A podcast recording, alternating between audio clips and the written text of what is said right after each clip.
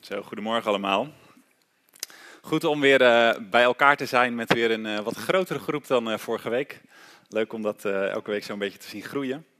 Ik vind het wel jammer dat nu de kinderen weg zijn, het laatste beetje oranje voor vanavond ook de, de, vertrokken is.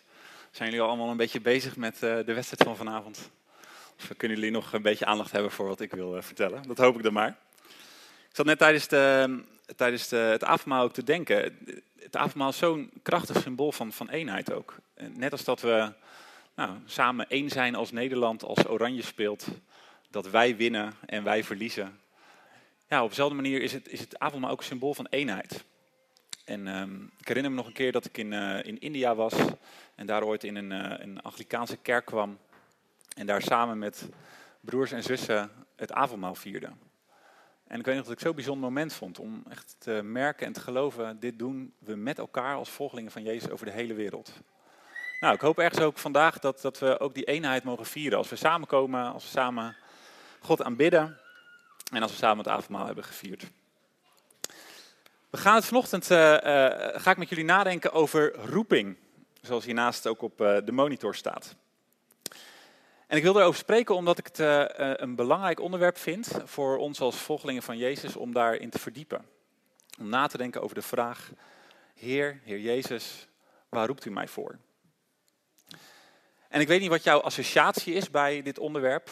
de een zal misschien direct denken aan je persoonlijke missie die je hebt in het leven.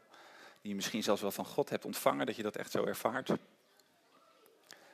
De ander zal misschien denken aan een Bijbels verhaal, zoals eh, dat bekende verhaal van Mozes, die bij de brandende braamstruik geroepen wordt door God om het volk van Israël uit de slavernij te, te leiden. En misschien iemand anders zal denken aan, aan de grote opdracht die Jezus ons eh, gegeven heeft in Matthäus 28, om discipelen te maken, leerlingen van hem te maken onder alle volken, iedereen te bereiken met zijn liefde. Dus roeping zal allerlei verschillende associaties uh, oproepen. En wat ik merk is als ik in gesprek ben met mensen over roeping, is dat het vaak best wel een beetje een beladen onderwerp is. Want hoe weet je nou precies wat je roeping is? Hoe kom je daarachter? En als je een beetje hebt ontdekt wat je roeping is, leef je dan wel in die roeping? Of ben je misschien terughoudend om dat helemaal uit te leven. Hoe weet je nou precies dat hetgene waarvan jij denkt te ervaren dat God het van jou vraagt, ook echt hetgene is wat God van jou vraagt? Er zitten altijd wat vragen omheen die nou, het op een ook een beladen onderwerp maken. Er hangt wat van af. Het gaat ergens over. Kortom, het is best wel een spannend thema. En ik denk dus dat een van de redenen waarom dit een spannend thema is, ook dus te maken heeft met dat we roeping in de kerk vaak definiëren als iets individualistisch en heel persoonlijks. Roeping in de zin van, wat is die persoonlijke, unieke taak of verantwoordelijkheid die God jou heeft gegeven voor een bepaalde periode. Of misschien zelfs voor je hele leven. Want ik denk dat we daar stiekem allemaal wel een beetje naar op zoek zijn. Wat is dat unieke wat God van mij vraagt? En begrijp dus niet verkeerd, hè? dat is een hele belangrijke en een goede zoektocht. Voor iedereen die Jezus wil volgen. Als we in de Bijbel kijken, dan zien we natuurlijk allerlei voorbeelden van mensen die op zo'n persoonlijke, unieke manier geroepen worden. Hè, Petrus, die wordt geroepen voor een specifieke groep.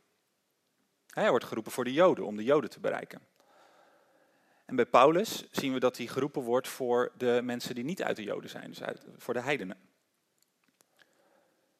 We zien andere mensen die geroepen worden voor echt een specifieke plek. Als we naar het leven van Abraham kijken, dan wordt hij weggeroepen uit Ur naar een nieuw land. Dus God roept hem voor een nieuw land, voor een nieuwe plek, waar hij het leven met God mag leven. En weer anderen, die worden geroepen voor een specifieke taak als we naar Mozes kijken, die kreeg de taak van God bij die brandende braamstruik om het volk van Israël uit de slavernij uit Egypte te leiden. Gideon werd geroepen om het volk van Israël eh, te, reinigen, te zuiveren van allerlei afgoden die in het volk eh, in, Israël aanwezig waren. Johannes de Doper in het Nieuw Testament, die werd geroepen om de weg van de Messias voor te bereiden. Zo zie je dat specifieke roeping kan gaan over een groep, het kan gaan over een plek, het kan gaan over een specifieke taak. bij een groep mensen vandaag de dag kan je misschien ervaren dat God jou roept om moslims te bereiken in de stad waar je woont, of je leven te geven aan kinderen in schrijnende situaties, door pleegzorg of door werkende hulpverlening. misschien ervaar je wel echt een stukje roeping voor een bepaalde plek. Dat je ervaart als je door de, stad loopt, door de wijk loopt, misschien wel door je straat loopt. Dit is de plek waar God mij roept. Dit is de plek waar ik licht en zout mag zijn voor Hem. Misschien ervaar je het wel in de kerk, in de gemeente waar je onderdeel van bent. Misschien wel hier in de vineyard. Dit is de plek. Dit is de plek waar God mij roept. Of misschien wel een taak.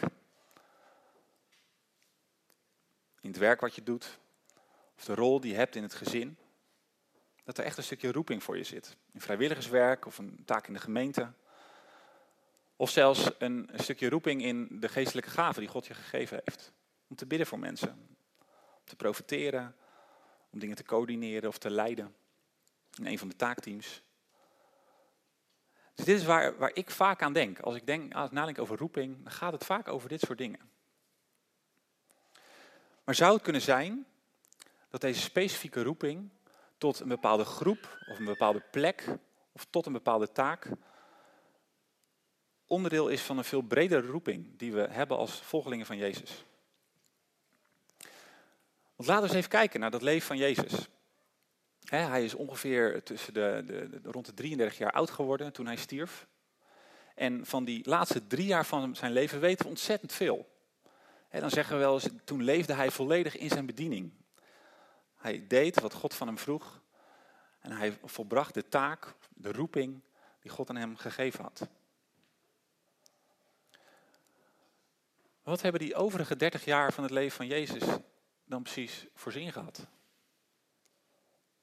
Jezus heeft zijn hele tienertijd, studententijd, twintiger jaren,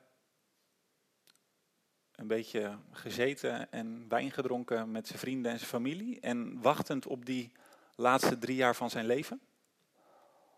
Oké, dan zeggen we vaak nee, hij was zich aan het voorbereiden hè, op, de, op de roeping die zou komen. Maar ik vind het lastig om te geloven dat, dat die, die tijd daarvoor helemaal geen betekenis had. Of dat daar niet al volledige roeping en volledige bestemming op het leven van Jezus was. Ik denk dat Jezus ook in die jaren al helemaal bezig was met het uitleven van de roeping die hij van God ontvangen had. Niet alleen als periode van voorbereiding op die specifieke roeping die hij kreeg voor die drie jaar, maar dat er een stuk algemene roeping is die voor iedere volgeling van God, van Jezus, reëel is en waar we ons naar uit mogen strekken. Je zou kunnen zeggen. Kijk of hij het uh, doet. Kan je hem doorklikken, Lucas? Je zou kunnen zeggen dat er voor elke volgeling van Jezus een stukje algemene roeping is. Die voor ons allemaal geldt. Waar we ons allemaal naar uit mogen strekken. En die voor ons allemaal relevant is. Om te ontdekken, om in te groeien om verder in te komen. En dat er daarnaast een stuk specifieke roeping is voor soms een specifieke groep of een plaats of een taak.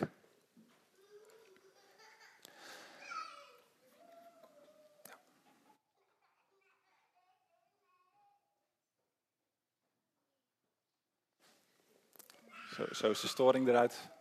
Kijk, beter. Anders dan lijkt het net steeds of ik in de wind sta. Maar... Het zou de Heilige Geest kunnen zijn, maar uh, waarschijnlijk is het gewoon een microfoon. Nou ja, je weet het nooit. Um, ik denk persoonlijk dat het niet handig is dat we dit omdraaien. En dat we zeggen, we focussen ons primair als volgelingen van Jezus op dat specifieke, dat unieke, dat persoonlijke wat God ons heeft toevertrouwd. En dat het belangrijk is om eerst die, die, die, die brede roeping die we hebben als zijn volgelingen te ontdekken, daarin te groeien en van daaruit um, nou, dat specifieke ook te ontdekken. En ik wil vandaag drie elementen van onze algemene roeping uh, bespreken. En dit is, zijn niet drie uitputtende of volledige eh, elementen, maar drie dingen waarvan ik merkte, die zijn volgens mij echt belangrijk als, we, als je al een volgeling van Jezus bent, om daar verder in te groeien. Om van daaruit ook dat specifieke, wat God misschien van jou vraagt voor een bepaalde tijd, te kunnen ontdekken. Drie stukken roeping voor elke volgeling van Jezus. En om ze makkelijk te kunnen onthouden, heb ik ze, uh, beginnen ze alle drie met een G. Namelijk genegenheid, gehoorzaamheid en geloof. Om met de eerste te beginnen, genegenheid. Een beetje een lastig woord. Het gaat over dat we als mensen bedoeld zijn, gemaakt zijn om in verbinding met God te leven. helemaal aan het begin van de Bijbel zien we al dat Adam en Eva met God door de Hof van Eden wandelen. Dat ze een praatje met God maken. Dat ze genoten van de schoonheid van de bloemen en de dieren, genoten van elkaars gezelschap. Perfecte harmonie tussen God en mensen. En hetzelfde plaatje zien we natuurlijk terug in het leven van Jezus. In hoe hij met mensen omgaat, met zijn vrienden leeft, met zijn familie leeft. Eten, genieten van elkaars gezelschap, liefhebben. Wat voor de ander betekenen, voor elkaar zorgen, de ander dienen. En hetzelfde plaatje geldt voor vandaag. God is bij ons komen wonen door zijn geest. Hij woont in ons. God is Yahweh, de God die er is. En die God is bij ons. We hebben daar net ook over gezongen. Hij is hier. En hier is niet alleen in de ruimte, maar hier is ook hier. De Bijbel zegt, Jezus in ons hart komen wonen. Dat is de plek waar God is, waar God wil wonen. In ons. Heel dichtbij.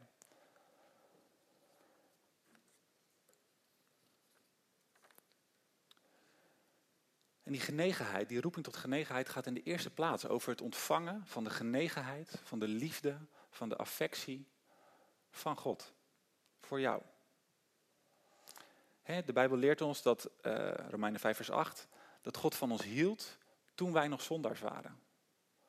Dus zelfs op het moment dat we zondig waren, dat we dingen niet goed deden, dat we ons doel misten, dat we er een potje van maakten, zegt God, toen al hield ik van je. Ik hou niet van je schoongewassen, mooie, opgepoetste zelf. Ik hou van het onaffe, het ruwe, het zondige van jou. Daar hou ik van. Ik hou van jou.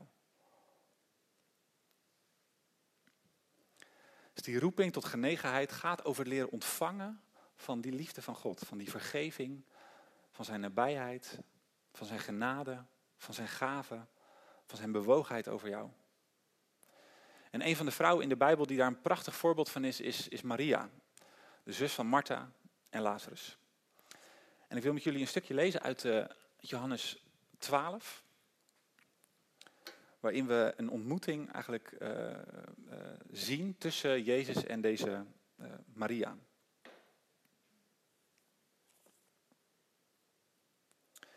Johannes 12, vers 1 tot 8. Zes dagen voor Pesach ging Jezus naar Betanië, naar Lazarus die hij uit de dood had opgewekt. Daar hield men ter ere van hem een maaltijd. En Martha bediende. En Lazarus was een van de mensen die met hem aanlagen. Maria nam een kruikje kostbare, zuivere nardesolie, zalfde de voeten van Jezus en droogde ze af met haar haar. De geur van de olie trok door het hele huis. Judas Iscariot, een van de leerlingen, degene die hem zou uitleveren, die vroeg: Waarom is die olie niet voor 300 denari verkocht om het geld aan de armen te geven? Dat zei hij niet om zich, omdat hij zich om de armen bekommerde. Hij was namelijk een dief. Hij beheerde de kas en stal eruit. Maar Jezus zei, zei, laat haar. Ze doet dit voor de dag van mijn begrafenis. De armen zijn immers altijd bij jullie, maar ik niet. Prachtig verhaal, prachtig moment van Maria die aan de voeten van Jezus gaat zitten. waar we dat al eerder hebben gelezen, dat, dat uh, Maria aan de voeten van Jezus naar hem luisterde. Ze gaat opnieuw aan zijn voeten zitten. En ze zalft zijn voeten met olie, met kostbare nardesolie. He, waarvan Judas zelfs de inschatting maakte dat het ongeveer 300 denari kost. Ik heb het even opgezocht, dat is ongeveer voor die tijd een, een jaarsalaris. Het minimumloon vandaag de dag ongeveer 20.000 euro per jaar als je fulltime werkt. Dus dit flesje kostte minimaal 20.000 euro. Moet je je voorstellen. Dat gaf ze aan Jezus. Ze zalfde zijn voeten met die kostbare olie. Ik vind dit zo'n mooi verhaal, omdat dit verhaal iets zegt over de genegenheid die er was tussen Jezus en Maria. De liefde die Maria van hem ontvangen had. Dat ze niets liever wilde dan aan zijn voeten zitten. Gebogen. En dan zo'n teken van, van, van liefde terug naar, naar de Heer. Alles geven wat je hebt, het meest kostbare wat je hebt, aan hem geven. Dienstbaar. Het is een heel intiem beeld wat we hier zien. De roeping tot genegenheid. Die gaat dus niet alleen over zelf de liefde van God en van Jezus ontvangen, maar ook over dat leren teruggeven. Tegen Jezus leren zeggen, ik hou van u. U bent belangrijk voor mij. Ik geef u mijn liefde. Ik geef u mijn toewijding. Ik geef u mijn tijd. Ik geef u mijn aandacht. Ik hou van u.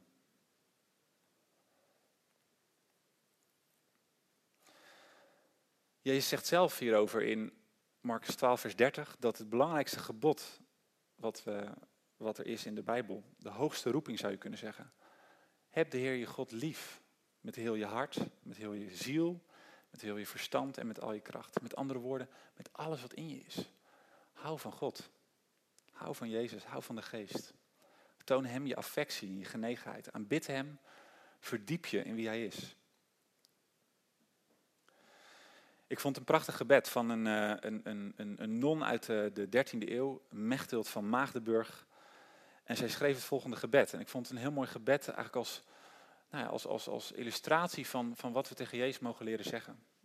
Ze zei, Lord, you are my lover, my longing, my flowing stream, my son, and I am your reflection. Amen. Hoe ga jij om met deze roeping tot genegenheid? Hoe betoon jij Jezus jouw liefde? En hoe zou, jij, hoe zou jij deze roeping tot het liefhebben van Hem verder kunnen verdiepen?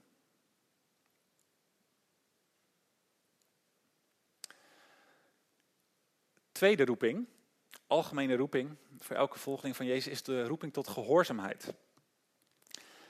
Bijna het centrale thema zou je kunnen zeggen in de Bijbel centrale thema in ieder geval in het Oude Testament, waar het steeds gaat over de ongehoorzaamheid van het volk van Israël en het terugkeren van het volk van Israël in de gehoorzaamheid aan God. En daar wordt één ding in ieder geval uit duidelijk, dat het ontzettend lastig is. Dat het niet eenvoudig is om te leven zoals God het bedoeld heeft. Omdat we als mensen toch de neiging hebben om steeds weer zelf te kiezen. Om zelf onze eigen weg te willen gaan. En ook Jezus zegt tegen zijn leerlingen, Johannes 8, wanneer u in mijn woord blijft, bent u werkelijk mijn leerlingen. U zult, de waarheid kennen en de waarheid zal u bevrijden. In Jezus woorden blijven, dus doen wat hij vraagt. zoals de, de, de, de, het volk Israël geroepen was om de, de wet gehoorzamen die God hen gegeven had, zo zijn wij geroepen om de woorden die Jezus gesproken heeft de wet die hij gegeven heeft, het goede wat erin zit, om dat na te volgen, om daar gehoorzaam aan te leren zijn. En die gehoorzaamheid is soms ontzettend uitdagend, ontzettend lastig en soms ook vergaand. Een van de meest ingrijpende illustraties daarvan vind ik het, het leven van Petrus, helemaal aan het einde van Johannes 21 als net dat, eh, dat moment is geweest dat, dat de relatie tussen Jezus en Petrus weer hersteld is. En Petrus drie keer gezegd heeft tegen Jezus, ik hou van u. Dan vraagt Petrus aan Jezus, wil je mij volgen? Ten koste van alles. Wil je me zelfs volgen als dat betekent dat ze je handen zullen binden en dat ze jullie zullen, zullen brengen naar plekken waar je liever niet wil gaan? De roeping tot gehoorzaamheid gaat over het groeien naar dat plaatje toe. Dat je kan zeggen, Heer, hier ben ik. Mijn leven, mijn tijd. U mag het zeggen. U mag het bepalen. Mijn leven ligt in uw handen. Uw naam staat als het ware boven mijn leven. Daarin vond ik dit een, mooi, een mooie, mooie, mooie plaat. U bent mijn Heer, u bent mijn koning. Ik ben gehoorzaam aan wat u van mij vraagt. Een hele oude quote, meer dan 100 jaar oud, van Abraham Kuyper. Een christelijke Nederlandse politicus. Die zei ooit dit in oud-Nederlandse taal. Geen duimbreed is er op heel het erf van ons menselijk leven, waarvan de Christus, die allersoeverein is, niet roept, mijn. In het Nederlands van vandaag de dag, er is geen centimeter van het leven waarvan Jezus niet zegt, dit is van mij. Het is een grote roeping. Durf je zo naar je eigen leven te kijken? Durf je dat aan Jezus te geven? Te zeggen, Heer, elke centimeter van mijn leven, van hoe ik mijn vakantie invul, van wat ik eet, van de vrienden die ik heb, van de relaties die ik aanga, alles is van u. U bent Heer.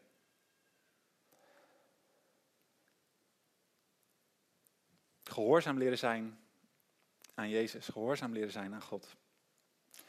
En dat doen we natuurlijk op allerlei terreinen.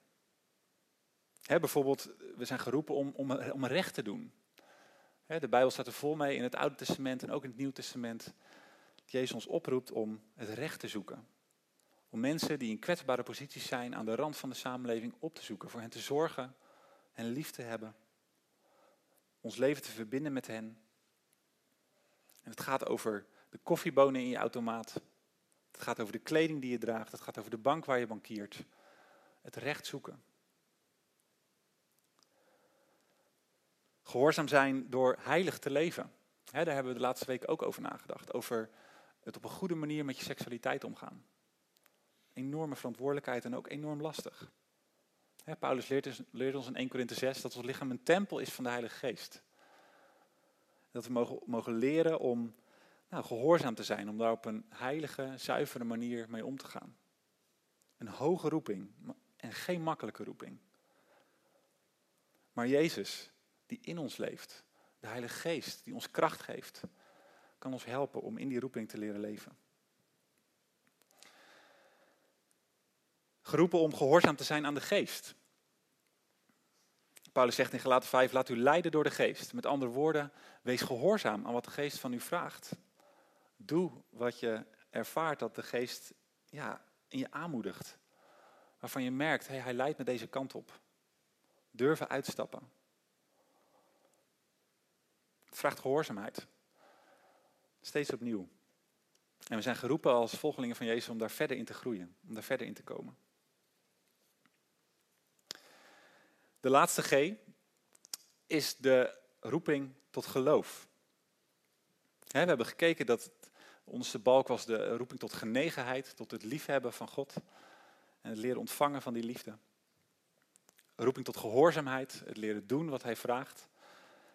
En daarbovenop zou je kunnen zeggen, kom de roeping tot geloof. Om te leren leven door geloof.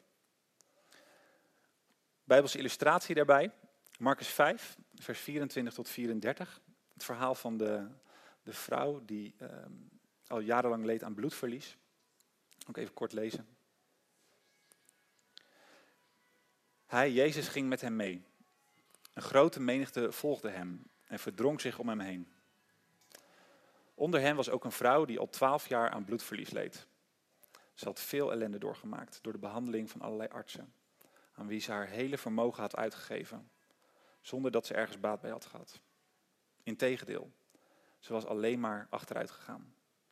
Ze had gehoord over Jezus en ze begaf zich tussen de menigte en raakte zijn bovenkleed van achteraan. Want ze dacht, als ik alleen zijn kleren maar kan aanraken, dan zal ik worden gered. En meteen hield het bloed op te vloeien en merkte ze aan haar lichaam dat ze van de kwaal, kwaal genezen was. Op hetzelfde ogenblik werd Jezus zich ervan bewust dat er kracht uit hem was weggestroomd. Midden in de menigte draaide hij zich om en vroeg: Wie heeft mijn kleren aangeraakt? Zijn leerlingen zeiden tegen hem, u ziet dat de menigte om zich, u om zich verdringt en dan vraagt u, u heeft mij aangeraakt. Maar hij keek om zich heen om te zien wie dat had gedaan. En de vrouw die bang was geworden en stond te trillen, omdat ze wist wat er met haar was gebeurd, kwam naar hem toe en viel voor hem neer en vertelde hem de waarheid. Toen zei hij tegen haar, uw geloof heeft u gered. Ga in vrede en wees genezen van uw kwaal. Prachtig verhaal over geloof je zou kunnen zeggen dat die vrouw dacht, ik geloof dat Jezus het verschil kan maken. Voor mij. Met de ziekte, de moeite waar ik al zo lang mee te maken heb. Geloven dat Hij kan genezen. Geloven dat Hij, Jezus, het verschil kan maken. Dat is geloof. Op zo'n manier naar je eigen leven en naar de wereld om je heen leren kijken. Dat is de roeping in het leven door geloof. Dat je als volgeling van Jezus met ogen van geloof kijkt naar de wereld om je heen. Heer Jezus, ik geloof dat u hier in wat kunt betekenen. Dit is niet zoals u het bedoeld hebt. Wilt u dit veranderen? U kijkt anders naar hoe dit zou moeten zijn. Wilt u er iets in betekenen? Dat durven geloven dat God in kan grijpen in de praktijk. Dat betekent dat als je ochtends op de fiets of in de auto naar school gaat of naar je werk of, of uh, waar dan ook, dat je zegt tegen God, Heer, ik geloof dat u vandaag het verschil kan maken voor mezelf en voor de mensen die ik ga ontmoeten. Bij de Vineyard hebben we het vaak over de, de now en de not yet. En dit gaat over het now. Dat je gelooft dat het koninkrijk van God in het hier en nu, vandaag, in deze situatie, in het leven van deze persoon, kan doorbreken. En Jezus, Jezus nodigt ons uit om, om mannen, om vrouwen van geloof te zijn. Die, die, die zijn koninkrijk, zijn aanwezigheid, zijn verschil, zijn impact verwachten in het dagelijks leven. En daarnaast gaat die roeping tot geloof ook over dat je gelooft en leert geloven en meer leert vertrouwen dat God jouw gaven, jouw talenten, jouw persoon kan en wil gebruiken. Ik weet nog goed dat ik voor het eerst een keer voor iemand durfde bidden, jaren geleden. En dat ik merkte dat die persoon geraakt was door het gebed heen. En dat ik dacht, oh, wauw, God heeft iets gedaan door mijn gebed heen. Hij heeft de ander geraakt. Misschien heb je daar zelf ook ervaring mee, dat je een keer voor iemand gebeden hebt, of een keer een bijbeltekst met iemand gedeeld heeft, of een keer een indruk met iemand gedeeld hebt. En dat die ander zei, wauw, dat heeft me echt geholpen. Dat heeft me echt geraakt. Ik ben echt bemoedigd door datgene wat je hebt doorgegeven. Dat verder leren verdiepen, leren vertrouwen, daarin leren bewegen, gaat over geloof. Roeping tot geloof, om te geloven dat God door jou heen en in jouw leven het verschil kan maken. Geloof je dat? Dat God jou kan en wil gebruiken.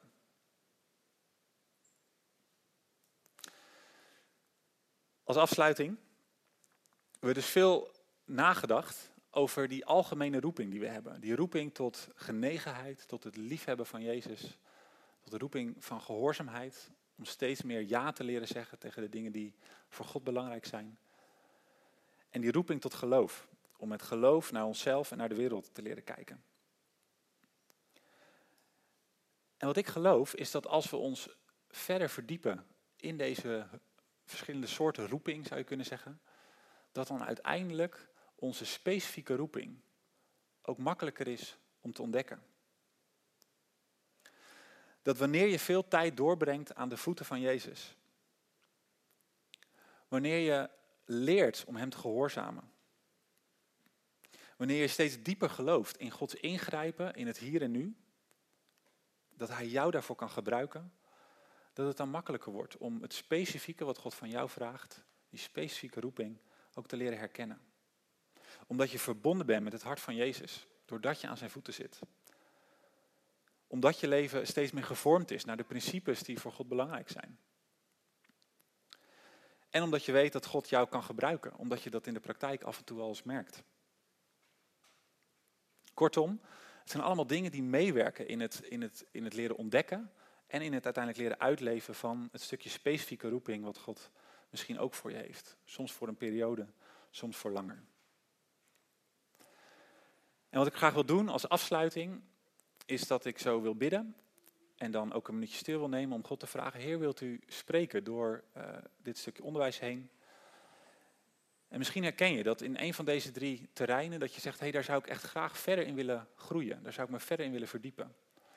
Die roeping tot genegenheid, of die roeping tot gehoorzaamheid, of die roeping tot geloof. En dan zal ik nou, voor elk van deze groepen mensen bidden. Dus als je dan daarin herkent, dan mag je gaan staan en dan zal ik ook een gebed bidden. Dus uh, nou, laten we zo uh, afsluiten met elkaar. Ja, Heer Jezus, dank u wel voor wie u bent. Dank u wel dat we u mogen kennen en dat u goed bent. Dat u een goede vader bent. Heer Jezus, dat u een goede meester bent. En we danken u, Heer, voor de liefde die u heeft voor ieder van ons. Heer, en ik, ik, ik bid, Heer, dat we met elkaar, zoals we samen zijn als gemeente, ja, samen toe mogen groeien naar u, Heer Jezus, die het hoofd bent. Heilige Geest, we nodigen u uit om ook in de stilte ja, te, te spreken tot ons hart. Heer, welk uh, ja, terrein van algemene roeping we verder in mogen groeien als volgelingen van u. Heer, de terrein van genegenheid of van gehoorzaamheid of van geloof. Heer, wilt u spreken in de stilte.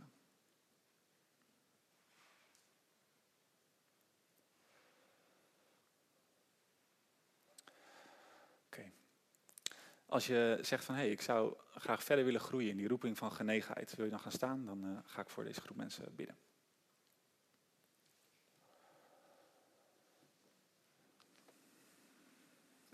Vader, dank u wel voor ja, het verlangen van al deze mensen. Heer, om ja, meer in staat te zijn om uw liefde te ontvangen. Om liefde terug te geven aan u. Ja, en ik zegen jullie met ja, echt die plek aan de voeten van Jezus. Dat plaatje van Maria die aan de voeten van Jezus zit. Ja, om daar te zijn in de komende tijd. Om daar te verblijven. Ja, ik zegen die, die, die diepe intimiteit met de Vader. Ja, het staat over Jezus zelf geschreven in Johannes 1 dat hij aan het hart van de Vader rust. En ik, ik bid voor jullie dat, dat uh, je dat echt mag ervaren in het, in contact met God. Dat je aan het hart, andere vertaling zegt, in de schoot van de Vader mag zijn. En dat je daar je, ja, de liefde van God mag ontvangen en mag leren uitspreken dat je ook van Hem houdt. Dingen mag teruggeven aan, aan God. Ja, wees gezegend om daar op die plek te zijn. Amen. Oké? Van mensen die zeggen, hey, ik zou graag willen groeien in die, die roeping tot gehoorzaamheid. Om steeds meer te leren zeggen, Heer, hier is mijn leven. Ik wil, ik wil doen wat u vraagt.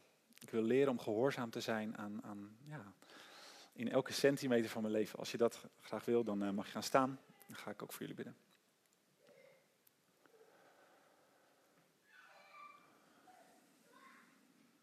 Ja, vader, dank u wel dat u zegt, Heer Jezus, dat u gezegd hebt dat uh, wie zijn leven wil behouden, die mag het overgeven, die mag het als het ware verliezen. En Heer, hier zijn we. We geven onszelf aan u. Omdat u te vertrouwen bent. Omdat u het goede met ons voor hebt. Heer Jezus, u ja, wilt ons een leven in volheid geven. Ja, en in die verwachting en dat vertrouwen bieden we onszelf aan u aan en zeggen we, hier zijn we. Heer, leer ons om dieper te groeien in gehoorzaamheid aan wat u van ons vraagt. Om ja te leren zeggen tegen u. Heer, ook op terreinen waar we dat spannend vinden of moeilijk vinden. Heer, ik bid dat u ja, voor ieder van ons die ja sterker maakt. Die ja tegen u, tegen uw principes, tegen uw goede bedoelingen. Heilige Geest, wilt u komen met uw waarheid en met uw kracht. Heer, vul ons met uzelf. Heer, om ook ja, dit te kunnen doen, Heer, waar dit niet makkelijk is. Help ons, geef ons de kracht om ja te zeggen tegen u, Heer Jezus. In Jezus' naam. Amen. Oké, de laatste roeping gaat over de roeping tot geloof. Om met verwachting te leren kijken naar de wereld. Te geloven dat God kan ingrijpen te geloven dat God jou kan gebruiken om verschil te maken in, in, in, in, in de wereld voor zijn koninkrijk. Als je daar verder in wil groeien, dan mag je gaan staan. Dan ga ik ook voor jullie bidden.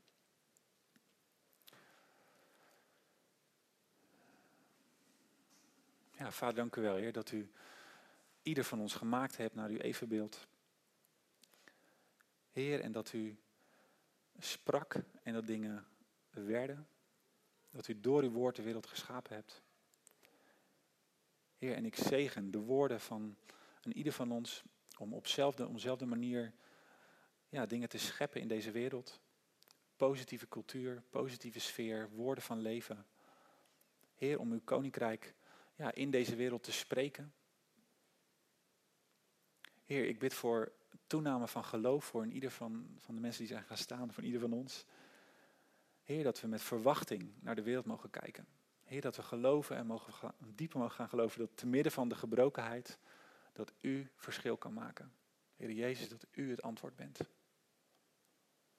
Heer, om uit te zien naar u. Ja, de Bijbel zegt dat ook geloof een, een gave van de geest is. Heilige Geest, we bidden om een toename van geloof voor ieder van ons. Vul ons met uw geloof. In Jezus' naam.